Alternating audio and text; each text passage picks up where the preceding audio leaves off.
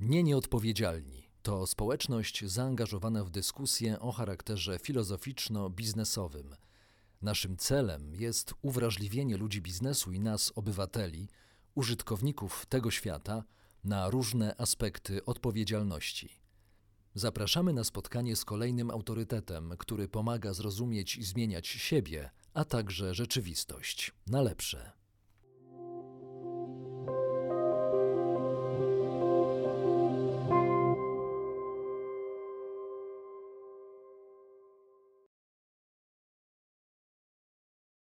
Profesor Mirosław e, Grewiński, Wyższa Szkoła Pedagogiczna imienia Korczaka w Warszawie, socjolog, politolog, jeden z najwybitniejszych polskich specjalistów od polityki społecznej. Dzień dobry, panie profesorze. Dzień dobry, panie redaktorze, witam serdecznie. Ale celowo to podkreślam, dlatego że e, bardzo często, kiedy rozmawiamy o tym, co się dzieje w gruncie rzeczy rewolucyjnie, co się dzieje w związku z pandemią, to próbujemy sobie to dzielić na, na różne nasze szufladki a to o biznesie porozmawiajmy. Jak zmieni się biznes, jak zmieni się świat finansów, bankowość, jak zmieni się kultura, jak zmieni się edukacja. No każdy ciągnie w swoim kierunku bliższa koszula ciału, a często mam wrażenie, że zapominamy o tym, żeby zadać bardzo szerokie pytanie, bardzo szerokie pytanie, co się stanie, co może się stać, jakie zagrożenia są przed tą naszą wspólnotą społeczną, złożoną z tych poszczególnych, e, z tych poszczególnych klocków. O to Pana chciałem zapytać. W którym my momencie dzisiaj jesteśmy i jakie zagrożenia czekają przed tym, co możemy nazwać wspólnotą społeczną, społeczeństwem po prostu? Ja myślę, że ta pandemia koronawirusa może wywołać dwie skrajne całkowicie, dwa skrajne scenariusze. Bo mogą, może tych scenariuszy być oczywiście więcej, natomiast scenariusze skrajne to są takie, że z jednej strony y, społeczeństwo potrzebowało od jakiegoś już czasu Niektórzy nawet twierdzą, że to mniej więcej od dekady trwa już takie poszukiwanie nowego ładu, e, nowego paradygmatu, nowego ustroju w ogóle organizacji świata. I w tym sensie społeczeństwo tą pandemię może wykorzystać e, w bardzo pozytywny sposób, mianowicie, że na kanwie tej pandemii postawi, powstanie coś nowego, jakiś nowy ład społeczny, o którym pisze na przykład Franciszek w swojej encyklice Laudatio Si, albo w której to książce na przykład Klubu Rzymskiego opublikowanej w tamtym roku E, dotyczącym e, przyszłości świata mówi się, że powstanie na przykład jakiś paradygmat e, przyrodniczy, który zastąpi na przykład ten paradygmat neoliberalizmu, jeśli chodzi o gospodarkę i społeczeństwo. Więc myślę, że generalnie społeczeństwo poszukiwało się od jakiegoś czasu takiego bodźca, który sprawiłby, że będzie dyskusja o nowym jakimś ładzie społecznym. Z drugiej strony, ta nasza ostatnia dyskusja, którą robiliśmy dla nie nieodpowiedzialnych, a którą pan redaktor prowadził, też ujawniła bardzo wiele negatywnych konsekwencji, które może być, jeśli chodzi o społeczeństwo. I to jest oczywiście kwestia na przykład tego, czy demokracja się utrzyma w takiej formule, czy nie, czy populiści na przykład wykorzystają tą pandemię i będą chcieli umacniać swoją, e, swoją siłę i władzę w niektórych przynajmniej państwach czy częściach świata. No po trzecie, jak zmieni się w ogóle, e, bym powiedział, te relacje międzynarodowe w kontekście chociażby mm. E, na poziomie globalnym relacji Stanów Zjednoczonych z Chinami, bo tu jest ta główna oś jednak e, konfliktu, czy takiego przerzucania się odpowiedzialnością, czy na przykład Unia Europejska jako organizacja wzmocni się, czy niestety się osłabi. Panie profesorze, pan pewnie próbuje sobie też na swój osobisty użytek jakoś próbuje formułować odpowiedzi na te pytania, czy przynajmniej zgadywać albo uruchamiać jakąś swoją socjologiczną, politologiczną intuicję. I co ona panu podpowiada? Ona mi podpowiada, że w, w, części zmienimy się na lepsze, w części na gorsze. To znaczy ja sobie uważam, że to, to świat nie jest czarno-biały. Nie będzie tak, albo że pójdziemy drogą prawda, samych pozytywnych zmian, albo samych negatywnych konsekwencji. Uważam, że to będzie jakiś taka hybryda, jakiś miks że pewnie tam, gdzie jest grunt y, do tego, aby ludzie ze sobą bardziej współpracowali, aby w społecznościach lokalnych sobie pomagali, aby mm. organizacje pozarządowe wykorzystywać do tej aktywności, aby na przykład być dla siebie bardziej przyjaznym, lepszym, żeby ten kapitał zaufania, kapitał społeczny czy relacyjny, on po prostu był coraz bym powiedział taki trwalszy, to pewnie się będzie dziać. Ale jest, jest pewien problem. A będzie bo tak. Pan wie o tym, że, że ten kapitał zaufania, jeśli o nim mówimy, w Polsce akurat jest naprawdę bardzo, bardzo słaby i to właściwie wychodzi w każdych badaniach, a już w porównaniu do całej reszty Europy, to gdzieś szor, szorujemy pod dnie. Tak, dlatego ja się na przykład obawiam trochę o Polskę, dlatego że Polska jest w takiej sytuacji dosyć trudnej, zarówno politycznej, jak i też społecznej, dlatego że my przez ostatnie lata bardzo mocno podzieliliśmy społeczeństwo.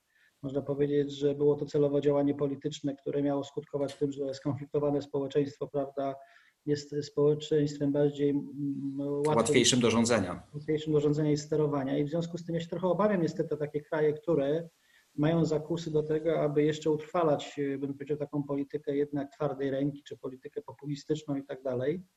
Natomiast wydaje mi się, że generalnie na świecie nie będzie tak, że będzie czarno-biały scenariusz. Będą różne scenariusze. Niektórzy na tym wygrają, niektórzy przegrają. Niektóre społeczeństwa będą bardziej scementowane, mm. inne, inne niestety będą bardziej zdezintegrowane. I ja uważam generalnie, że stawianie dzisiaj takich hipotez, że świat pójdzie albo tak w pozytywnym kierunku, albo w negatywnym, to jest niedowartościowanie tego wszystkiego, co jest pośrodku. No jednak świat jest bardziej bogatszy, ma różne kolory i w zależności od kultury, tak, która jest w danym kraju, od e, społeczeństw, od systemów politycznych, od tego, jak społeczeństwa sobie z tym wszystkim radzą, będą pewnie e, różne scenariusze rozwoju. No to porozmawiajmy o Polsce.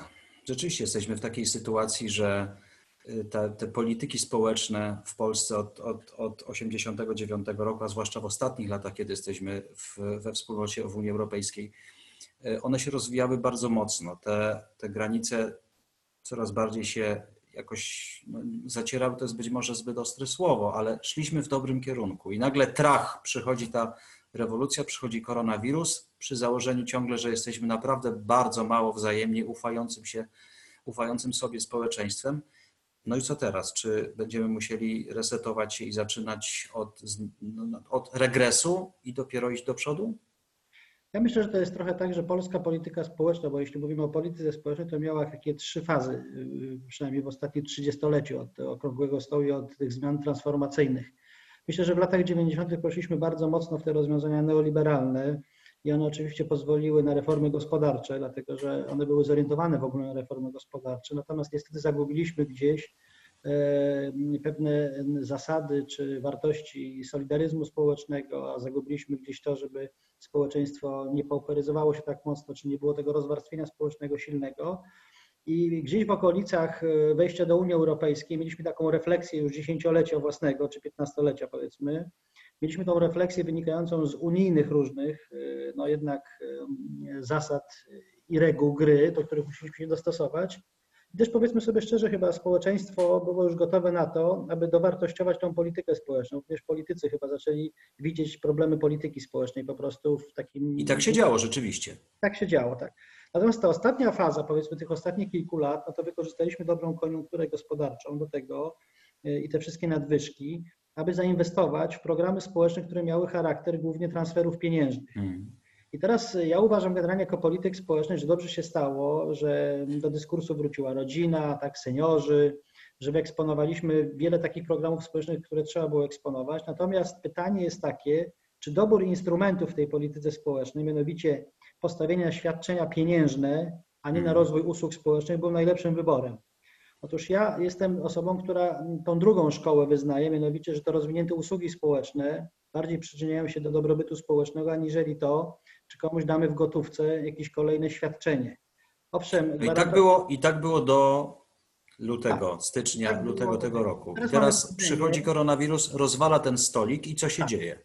No i teraz moim zdaniem będzie trzeba przewartościować wszystko to, co było dotychczas, bo pytanie będzie takie, jakie konsekwencje dla budżetu państwa będzie miała ta pandemia. Moim zdaniem będzie miał kolosalne, jednak będą mniejsze wpływy, będzie rósł dług publiczny, będzie rosła inflacja, będzie coraz większe bezrobocie, wpływów do budżetu będzie mniej. W związku z tym pytanie jest takie, czy rząd w ogóle będzie w stanie utrzymać te programy, hmm. no, które w ostatnich latach rozwija, bo to są głównie programy bazujące na świadczeniach pieniężnych, a więc to jest transfer, to jest redystrybucja po prostu pieniędzy. Trzeba mieć z czego rozdawać, a nie będzie tego, e, tego mieszka z pieniędzmi. Dokładnie. Z kolei samorządom też będą brakowa, będzie brakowało środków, bo przecież część polityki społecznej jest zdecentralizowana. My mówimy o tych dużych programach rządowych. No przecież wiele tych rzeczy, które się dzieje w Polsce, to ma charakter samorządowy. To samorządy, prawda, organizują nam różne rozwiązania społeczne, infrastrukturę społeczną, usługi społeczne, które tam się dzieją. I teraz pytanie jest takie, czy samorządy także będą y, redukować te wszystkie usługi społeczne, które mają, czy wręcz przeciwnie. Ten koronawirus spowoduje na przykład, że zacznie być widziany problem chociażby pomocy społecznej w tych placówkach całodobowej opieki, domach pomocy społecznej, czy nagle się okaże, że część edukacji w ogóle może być robionych online, a przecież za edukację również odpowiadają w dużej części samorządy, bo szkoły podlegają samorządom, czy na przykład ośrodki zdrowia, podobnie, które podlegają samorządom, będą mogły być inaczej organizowane, to wszystko będzie wymagało po prostu lokalnych strategii, w zależności od kondycji samorządu, inaczej będą się pewnie zachowywały duże miasta, inaczej małe miasteczka, jeszcze inaczej wioski. To znaczy, że się Polska rozwarstwi jeszcze bardziej, w tym sensie, że tam, gdzie jest y, y, wielkomiejska kultura myślenia o tych sprawach, ale też potencjał, ale też pieniądze, ale też podatki, będzie po prostu lepiej wyposażona w te instrumenty niż Polska A, B, B C i, i Polska zawsze prowincjonalna, tak to nazwijmy? Moim zdaniem Polska zawsze, już od lat była dwóch, trzech prędkości nawet te programy rządowe niewiele zmieniły, dlatego że przecież y, gro tych jednak spraw dotyczy y, kwestii inwestycji, a inwestycje przychodzą jednak do większych miast, tak? albo tam, gdzie są zachęty. Gro kwestii jednak dotyczy tego, czy mamy potencjał, y, zasoby ludzkie, a dzisiaj wiemy, że przecież jest potężna migracja do dużych ośrodków, prawda, z mniejszych miast. A więc mi się wydaje, że Polska jest od lat podzielona na dwie, trzy prędkości. I teraz ten, ten mhm. ja utrwali jak gdyby ten podział, dlatego że w ogóle tego typu kryzysy najczęściej ujawniają, że bogatsi się bogacą jeszcze bardziej, biedniejsi biednieją e, w większym stopniu, więc moim zdaniem zasada ewangeliczna obowiązuje. ta polaryzacja będzie się pogłębiać moim zdaniem jeszcze bardziej.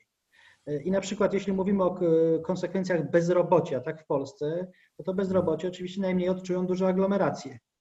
Bo w tych mniejszych, jeśli nie będzie pracy, no to będzie jeszcze większa migracja do tych większych miast, bo większe miasta zazwyczaj tworzą po prostu większe możliwości. A zatem może się pogłębić ta polaryzacja po prostu i ta pandemia może wzmocnić to, co dzisiaj już widzimy od lat zresztą, że Polska jest mm, dwóch, ja nawet bym powiedział trzech prędkości. To są duże aglomeracje, to są miasta, no i to są te środowiska wiejskie. A jakie konsekwencje społeczne mogą być tego faktu, że dojdzie do jeszcze większej polaryzacji? My i tak jesteśmy już bardzo spolaryzowanym również ideologicznie społeczeństwem. To są niemalże dwa społeczeństwa, jeśli chodzi o taką sensu stricto ideologię, ale, ale y, ta polaryzacja, jeśli ona jeszcze dostanie przyspieszenia, to jak to się może skończyć? Bo to brzmi bardzo niepokojąco. Znaczy na pewno będą y, się wzmagać problemy takie jak bezrobocie długotrwałe. Jak bezrobocie długotrwałe to pauperyzacja, czyli ubożenie społeczeństwa. Nastąpi na pewno rozwarstwienie większe, czyli będzie większa bieda widoczna w tych środowiskach mniej zamożnych i mniejsza bieda w tych bardziej zamożnych. Natomiast to oczywiście może prowadzić do większej nieufności, bo już ten kapitał społeczny, tak jak pan redaktor powiedział, jest niski w Polsce.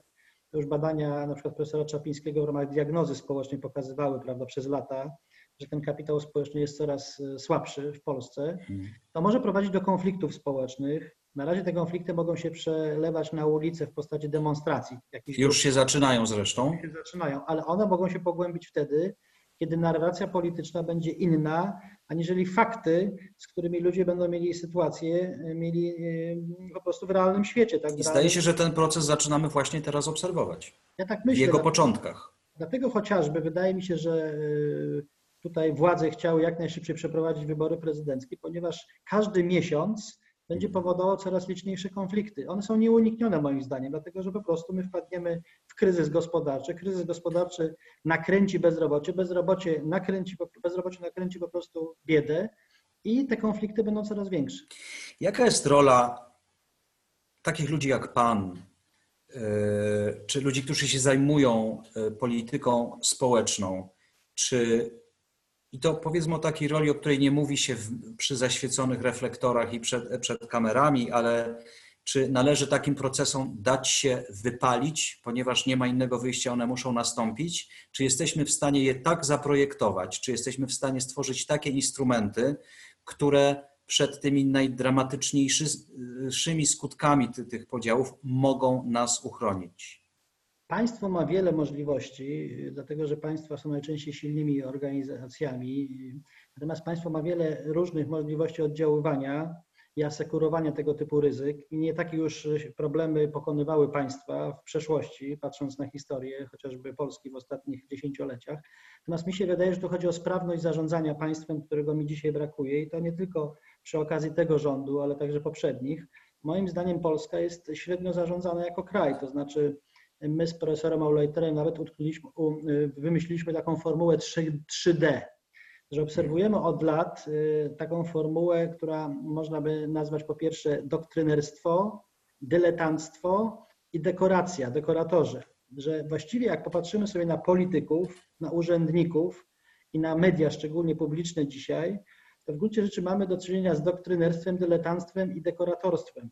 To znaczy jedni wierzą po prostu strasznie mocno w to, e, w co chcą wierzyć, a więc swoją doktrynę. Inni, ci urzędnicy wysokiego szczebla dostosowują się w konformistyczny sposób do tego, co narzuca jak gdyby narracja doktryny, a niestety dziennikarze, szczególnie ci, którzy dzisiaj no, e, odpowiadają za media publiczne, co, zobaczmy, co się dzieje dzisiaj w Trójce, prawda, no to meblują po prostu świat w, w, oparciu, w oparciu o dekoracje, które mają jak gdyby uszczęśliwić tych, którzy są przy władzy. I teraz, jeśli nałożymy na to te trzy elementy, na zarządzanie państwem, mm. to pytanie, kto miałby dzisiaj mieć sprawczość i odpowiadać długofalowo za to, co się w Polsce dzieje, bo przecież państwo ma całą masę instrumentów. Państwo może dodrukowywać na przykład pieniądze. Owszem, będzie większa inflacja, ten pieniądz straci na znaczeniu, ale jednak ludzie będą mieli co z bankomatów wyciągać. Prawda? Państwo... No to e, Adam Glapiński już powiedział, mamy nieograniczoną liczbę pieniędzy. No zgadza się, bo dodrukowywać pieniądze można, bo państwo ma takie możliwości.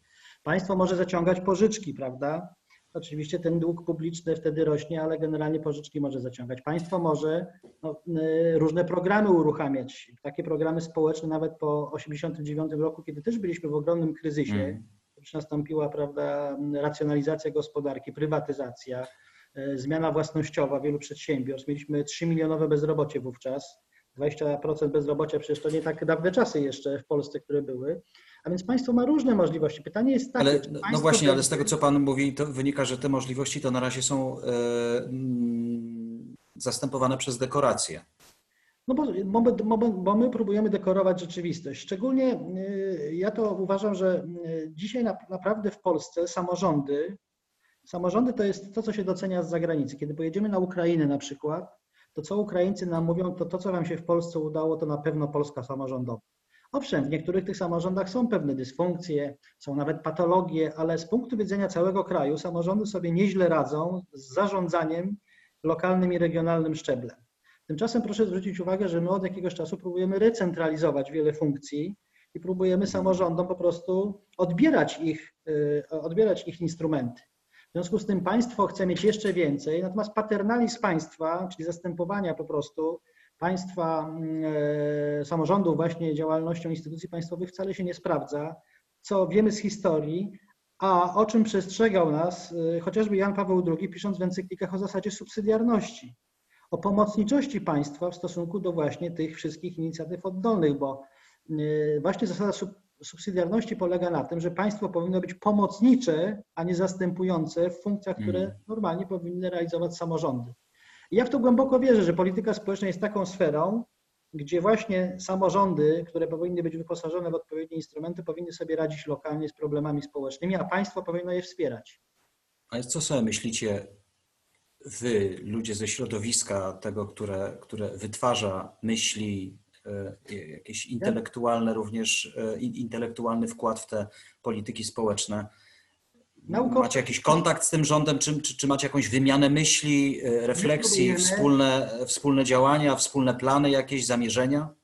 My próbujemy oczywiście e, każdą władzę e, wzmacniać w postaci wiedzy, którą dysponujemy, więc mamy diagnozy, analizy, raporty, mamy badania i tak dalej. Problem jest z tym, że nikt w Polsce nie chce tego evidence-based, co na świecie się sprawdza, a więc e, robienie polityk w oparciu o dowody naukowe. W Polsce nikt nie chce takiej polityki uprawiać.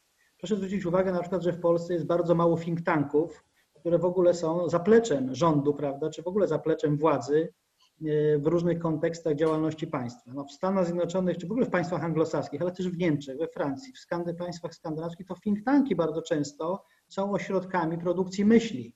Zresztą jak nazwa wskazuje sama, prawda, think tank. Natomiast w Polsce tych think tanków nie ma. Środowisko naukowe jest praktycznie nie brane pod uwagę. Nawet teraz przy tej pandemii, no, tych wirusologów i prawda, specjalistów od od, e, od tych e, spraw związanych no, z, ze zdrowiem traktuje się instrumentalnie. No ich się oczywiście zaprasza do programów, podpytuje, ale na zasadzie takiej, że do gotowej tezy potrzebny jest ekspert. Natomiast środowiska nauki i naukowców mało kto słucha od lat. To oczywiście nie jest związane z jakimś jednym czy drugim rządem, to jest po prostu to, że gabinety polityczne w ministerstwach zastąpiły gabinety doradców naukowych. Y, jeśli dzisiaj gabinety polityczne, które się składają z młodzieżówki, prawda, partii politycznych, zastępują ludzi, którzy mogą doradzać ministrom w sprawach kluczowych, no to pytanie jest takie, jak my mamy prowadzić rozsądną politykę w oparciu o dowody naukowe. Kiedy... A może to jest jeden z tych potencjalnych pozytywów, które, y, które, które przyniesie pandemia? Ostatecznie. Na pewno doraźnie na ten moment naukowcy są potrzebni, szczególnie mediom, prawda? Bo ja sądzę, że bardziej ci naukowcy funkcjonują w mediach niż w gremiach doradczych e, dla ministerstw. E, no więc tych naukowców dzisiaj widać trochę, tych medyków, którzy prawda, się wypowiadają na różne tematy. Natomiast ja uważam, że generalnie my nie wykorzystujemy ogromnego potencjału ludzi, którzy mieliby coś do zaproponowania, zarówno rządowi, jak i samorządowcom. Natomiast polityka niestety jest dzisiaj krótkotrwała i krótkowzroczna, to znaczy politycy funkcjonują od wyborów do wyborów i od budżetu do budżetu. Natomiast naukowcy często wskazują długofalowe e, priorytety, z którymi trzeba się zająć, a żaden rząd nie jest dzisiaj długofalowo zainteresowany tym, co będzie za 10 lat. Nasz nas politycy też podglądają e, w tych programach, w tych rozmowach i na tym kanale, więc mam nadzieję, że też i e, sporo się mogą nauczyć właśnie od takich ludzi jak, jak Pan, który ma no, mówiąc krótko, evidence-based, czyli wiedzę opartą o dowody, wiedzę opartą na faktach. Ale wie pan, tak sobie też myślę, że myśmy zostali postawieni jako społeczeństwa, nie tylko w Polsce zresztą, w ogóle w związku z tą epidemią, e, przed takim szatańskim dylematem, e, kiedy już pandemia się zaczęła rozprzestrzeniać. Do jakiego stopnia przeliczać życie ludzkie na wartości medyczne, a do jakiego przeliczać te E, życia ludzkie pod względem społecznym. Ja nie wiem, czy, czy polski rząd i czy inne i do jakiego stopnia w ogóle prowadziły rozmowy z socjologami, na ile zamykać, na ile otwierać, na ile ofiar pozwolić pod warunkiem, że ekonomia nie wyschnie, a jak bardzo ograniczać. To naprawdę, na, na to nie ma mądrych chyba, ale myślę, że te analizy socjologiczne, e, do jakiego stopnia powinniśmy się zamykać, dusić tę ekonomię po to, żeby uratować kolejne życia, dziesiątki żyć i tak dalej, one też powinny gdzieś tam w kulisach się odbywać, jakkolwiek to brzmi, no to rzeczywiście szatański moralnie e, dylemat. No zawsze. No my przede wszystkim mało wiedzieliśmy na początku tej pandemii o tym, jaki to jest wirus i rzeczywiście jak jest zabójczy.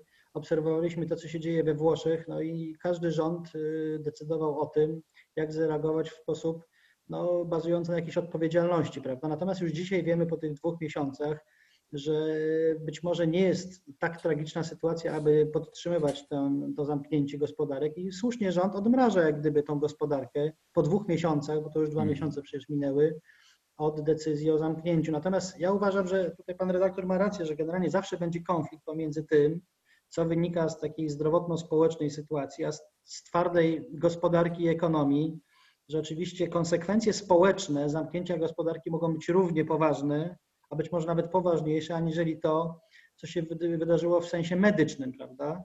I teraz oczywiście odpowiedzialność zawsze biorą na końcu dnia no ci, którzy decydują o tym. Natomiast myślę, że nikt nie wiedział dwa miesiące temu, jak to się może potoczyć. W związku z tym asekurowano się na różne sposoby, aby jednak te gospodarki w większości państw na świecie zamknąć. No Szwecja właściwie jest takim wyjątkiem, ale y, Szwecja, jak wiemy, jest zupełnie innym krajem, prawda, o innej zupełnie kulturze demokracji, wolnościach obywatelskich, zaufania do obywateli, konsensusu społecznego itd., tak itd. Tak Cały czas się zastanawiam, zwłaszcza to mnie interesuje w rozmowie z Panem, y, jak społeczeństwo, wracając do Polski, o tak niskim kapitale zaufania, o tak dużej wrogości w stosunku do siebie różnych, e, różnych grup, y, może przetrwać z sukcesem po takiej e, traumie kilka miesięcy trwającej, a jeszcze być może przez kilka miesięcy e, do roku, czyli do wynalezienia szczepionki się utrzymają, utrzymującej. No na pewno społeczeństwo e, czegoś się nauczyło. Ta pandemia nauczyła nas, tak, po pierwsze tego, my nie byliśmy w ogóle do tego przyzwyczajeni, żeby być no jednak pozamykani w domach przez dwa miesiące, że jednak dostosować się do tego. E, że jednak prawda, prowadzić taki styl życia i pracy, jaki prowadziliśmy przez ostatnie miesiące, więc to jest wielka... A zaskoczyło to Pana, że Polacy tak łatwo dali się w te wszystkie e, obostrzenia i ograniczenia naprawdę z wielką łatwością e, się na nie zgodziliśmy. Ja właśnie mieszkając w Warszawie, obserwując ulicę Warszawy, byłem zaskoczony, że tak szybko dostosowaliśmy się do tych wszystkich. Zresztą tu nieraz minister Szumowski chwalił polskie społeczeństwo za to, że tak bardzo restrykcyjnie podchodzimy do tego. Aczkolwiek zobaczcie Państwo, kiedy teraz otwieramy to wszystko, to jest efekt odwrotny. Tak? Wszyscy dzisiaj już praktycznie funkcjonują na ulicach bez maseczek, jeżdżą na rowerach, spacerują, więc jest odwrotny proces, ale to też pokazuje, że jesteśmy dosyć odpowiedzialnym społeczeństwem i potrafimy w odpowiedni sposób reagować na te zakazy i nakazy państwa, co ma swoje dobre i złe strony oczywiście, bo zawsze można powiedzieć, że skoro jesteśmy takim, bym powiedział, restrykcyjnym społeczeństwem, to w przypadku być może innych mechanizmów także możemy szybko ulegać różnym, prawda? Decyzjom. To jest trochę niepokojące, przyzna pan. No, może być, prawda? Zależy, jak się do tego podejdzie. Natomiast mi się wydaje, że też jest duża nauka dla nas jako społeczeństwa w kontekście chociażby edukacji, pracy zdalnej, że to będzie miało też e, przeobrażenia w kontekście konsumpcji, dlatego że my byliśmy przyzwyczajeni do tego, żeby wychodzić, konsumować dobra, natomiast dzisiaj gro rzeczy przez internet załatwiamy. Może być też taki namysł e, zbiorowy, w tej inteligencji zbiorowej możemy dojść do wniosku, że po prostu mamy już dosyć tej nadmiernej konsumpcji, że być może te dobra, które konsumujemy na co dzień wcale nie są nam potrzebne i być może też niektórzy z nas przemyślą swoje strategie e, tak, zakupów czy korzystania z usług różnego rodzaju i myślę, że te zmiany konsumpcyjne mogą być widoczne.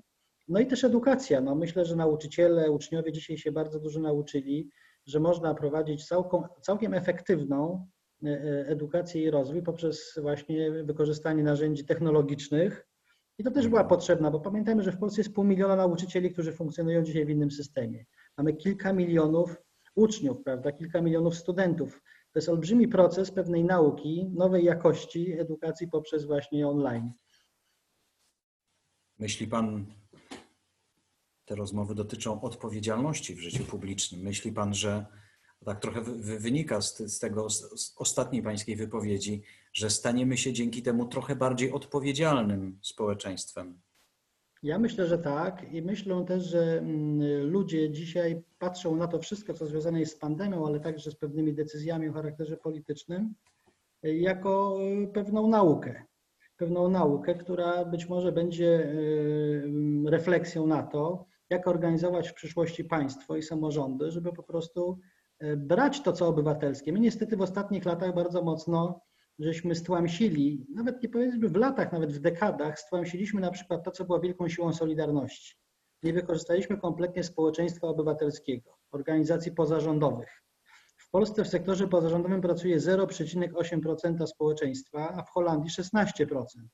No to zobaczmy w ogóle, jakie to są inne skale. W Holandii 80% szkół prowadzonych jest przez rodziców lub organizacje społeczne. W Polsce większość szkół to państwowe szkoły, więc my nie... Ale dlaczego? To też jest kwestia zaufania właśnie, czy to jest tak. konsekwencja tak. tego? Moim zdaniem to jest kwestia zaufania właśnie do organizacji społecznych. Nam się na przykład polityka społeczna raczej kojarzy y, z programami państwowymi, tak? No Realizacji polityki przez publiczne instytucje, a w Niemczech 80% usług jest realizowane przez organizacje pozarządowe, przez Caritas, przez Czerwony Krzyż, przez Diakonię. Więc my ciągle nie mamy takiego zaufania do tego, co obywatelskie. I myślę, że ta pandemia może nas nauczyć, jako społeczeństwa obywatelskiego, tego, że warto wzmacniać te ruchy obywatelskie, te oddolne inicjatywy, ten wolontariat, prawda, te organizacje społeczne, które coś robią, bo niestety stosunek do organizacji społecznych, nie tylko tego rządu, ale w ogóle poprzednich rządów, był niestety taki, najczęściej nie próbowaliśmy brać tego, co dobre w tych organizacjach. I pomimo tego, że w ostatnich latach no, też były różne programy, które miały temu służyć, to w gruncie rzeczy my żeśmy rozwój organizacji społecznych hamowali. A potencjał tu jest nieprawdopodobnie duży. Też mi jest bliski, bliski ten e, tak zwany trzeci sektor. Państwo wiedzą, jak to się nazywa. Trzeci sektor to jest rzeczywiście tygiel niezwykle wielu dobrych pomysłów dla, dla ca całego kraju po prostu, dla całego społeczeństwa. Twierdzą, że właśnie w tym trzecim sektorze powstają naj, najlepsze innowacje, prawda? My dzisiaj wszyscy w gospodarce mówimy o innowacjach o społecznych, o innowacjach w gospodarce i tak dalej. A właśnie te innowacje bardzo często tworzą albo startupy, albo właśnie sektor obywatelski, czyli małe różne środowiska, które muszą sobie poradzić tak, z nowatorstwem, no ponieważ nie mają pomocy innych instytucji. Miejmy nadzieję, że akurat ta część, trzeci sektor, rzeczywiście dostanie wiatru e, w żagle i że rządzący albo szerzej nawet politycy będą chcieli korzystać z tych wszystkich pomysłów, które są wypracowywane przez mądrych ludzi w trzecim sektorze. Bardzo Panu dziękuję e, za przyjęcie zaproszenia do trzeciego sektora właśnie również. Jesteśmy częścią trzeciego sektora. Bardzo dziękuję i mam nadzieję na jeszcze kolejne spotkanie przy innej okazji. Wszystkiego dobrego. Profesor Mirosław Grewiński był moim i Państwa gościem. Do zobaczenia. Do zobaczenia.